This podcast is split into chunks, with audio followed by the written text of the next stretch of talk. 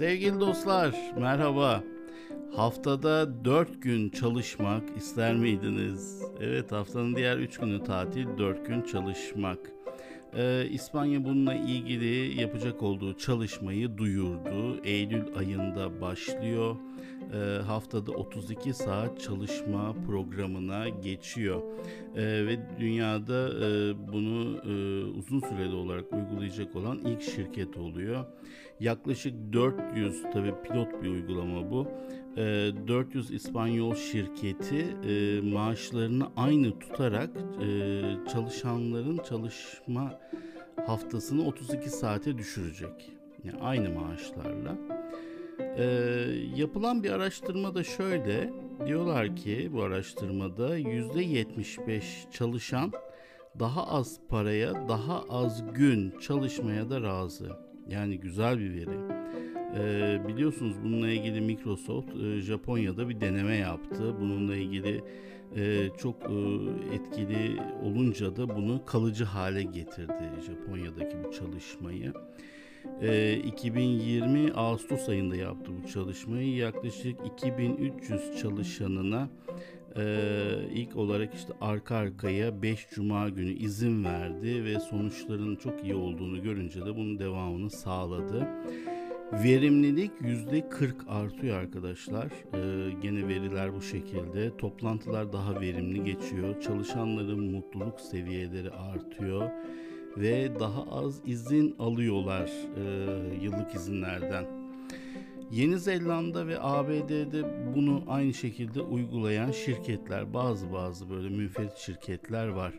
Biz bunu arkadaşlar iş hayatında iş yaşam dengesi diyoruz. İş yaşam dengesini e, iyi kurguladığınız zaman, o dengeyi iyi sağladığınız zaman çalışan mutluluğu sağlanabiliyor. Bilmiyorum siz ne dersiniz? E, haftada 4 gün çalışmak iyi olur esasında. Tabi haftalık çalışma saati 45 saat fakat hani bana sorarsanız eğer hani e, siz ne kadar çalışıyorsunuz diye sorarsanız ben haftada işte 55-60 saate kadar çık çıkıyorum. Ama bu çalışmamın benim yaklaşık e, 20-25 saati kendimi geliştirmeye yönelik e, ya da işte firmalarımı geliştirmeye yönelik stratejik çalışmalar oluyor. Ee, diğerleri de e, işte gün içerisinde e, firmalarımı ziyaretlerim, incelemelerim, araştırmalarım, e, bazı uygulamaları e, liderlik ediyoruz. Bu şekilde oluyor. Şimdi tabii bu konuyla alakalı evet güzel bir konu. Yani haftada 4 saat çalışma, verimlilik %40 artıyor. İyi, hoş da bizim ülkemizde bu işin uygulanabilirliği açısından ne düşünüyorsunuz? Bunu da merak ediyorum. Bu konuda da eğer yorumlarsanız sevinirim. Şimdi e, bizim ülkemizde bu konunun olup olmayacağı konusundan önce e, gene bir konu var. Ben ondan bahsedeceğim size. Gene bununla alakalı yani ilintili bir konu. Şimdi bir yönetici var. E, bu yönetici e, kendisini çok geliştirmemiş. İşte mesai saatlerine çok uyumlu değil kendisi de. E, işte aynı şekilde e, işte çok böyle hani anlık değişimler yapabilen bir yönetici.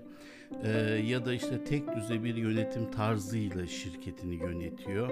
E, işte birkaç tane yönetim tekniği var sadece onları uyguluyor e, işte personeliyle bir arkadaş ya da bir dostluk kurmak ya da onlarla iyi iletişimi kurmak hiç olmazsa böyle bir şey söz konusu değil.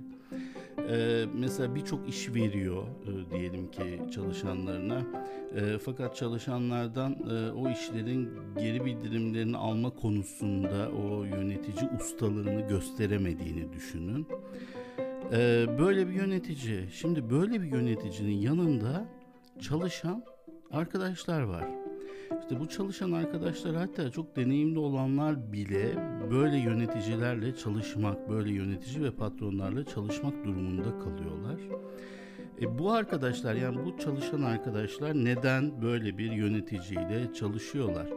E, bunu tabii biz hep sorguluyoruz böyle şeyleri. Hep e, bizim incelememiz, araştırmamız kapsamında bu. Çünkü şirketlerin iyi yönetilmesi gerekiyor. İş hayat ekosistemi adına bu bir gereklilik. Şirketler iyi yönetilirse ülkemiz daha zengin, daha refah daha iyi durumlara gelecek ekonomik manada hem de sosyal manada. E, bu doğrultuda bakarsak olaya biraz daha e, burada hani o çalışan arkadaşların esasında böyle bir yönetici ve patron olduğunda o şirketten istifa etmeleri lazım, ayrılmaları lazım. Hatta şöyle bir durum olmalı. E, kendisini geliştirmeyen, iyi yönetil iyi yönetilmeyen bir şirket şey bulamamalı, çalışacak arkadaş bulamamalı. Yani o şirkete kimse mesela CV göndermemeli. Çünkü o şirket iyi yönetilmiyor gibi. Ya da o şirketin patronu ya da yöneticisi kendisini çok iyi yapılandırmadığından dolayı o şirkete hiçbir CV gitmemeli ki o yönetici ve patron e, kendisini geliştirmesi yönünde ya da işte mevcut yöneticisini değiştirmesi yönünde artık neyse şirketin daha iyi yönetilebilmesi için bir şeyler yapsın. Ama böyle değil. Ne oluyor? O çalışanlar işte belli ekonomik koşullardan dolayı ya da işte o tekrardan o iş arama stresinden dolayı e, ya da bir sürü etken sayabiliriz arkadaşlar bununla alakalı. Bundan dolayı idare ediyorlar. Yani o e, olumsuz patron ve yöneticiyi idare ediyorlar. Aynı şey tam tersi de oluyor arkadaşlar. Çok yapılandırılmış, iyi yapılandırılmış, iyi bir şirket düşünün bu iyi şirkette, iyi yapılandırılmış şirkette iyi bir yönetim var. Yönetim gelişim imkanları sunuyor, terfi sistemi var. Ee, işte performans değerlendirmeler çok adil yapılıyor. Ee, şirket içi iletişime çok önem veriliyor. İşte müşteri deneyimine çok önem veriliyor. Tedarikçi ilişkileri çok iyi. Böyle bir şirket düşünün.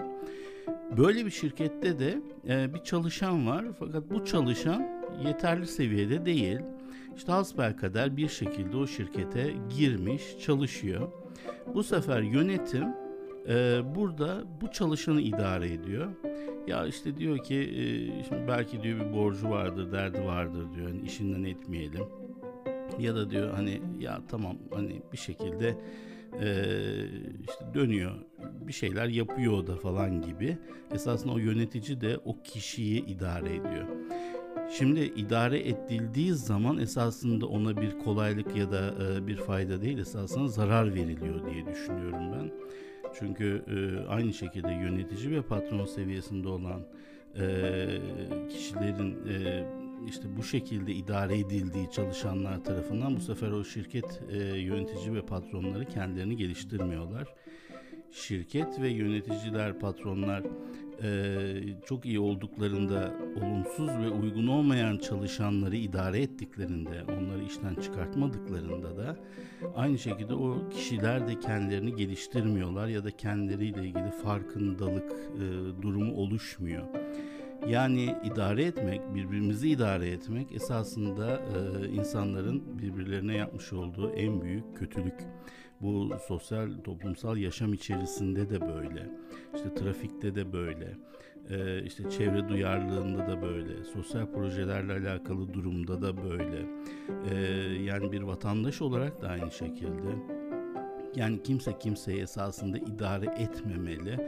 Ee, herkes iyi olmak için mücadele etmeli ki hani mesela az önce vermiş olduğum örnekte e, şey yapmalı ki hani e, bu arkadaşı işten çıkartmalı ki o iyi yönetici o arkadaş iş bulamamalı iş bulabilmek için de kendini geliştirmeye yönelmeli yani böyle de bir durum olması lazım.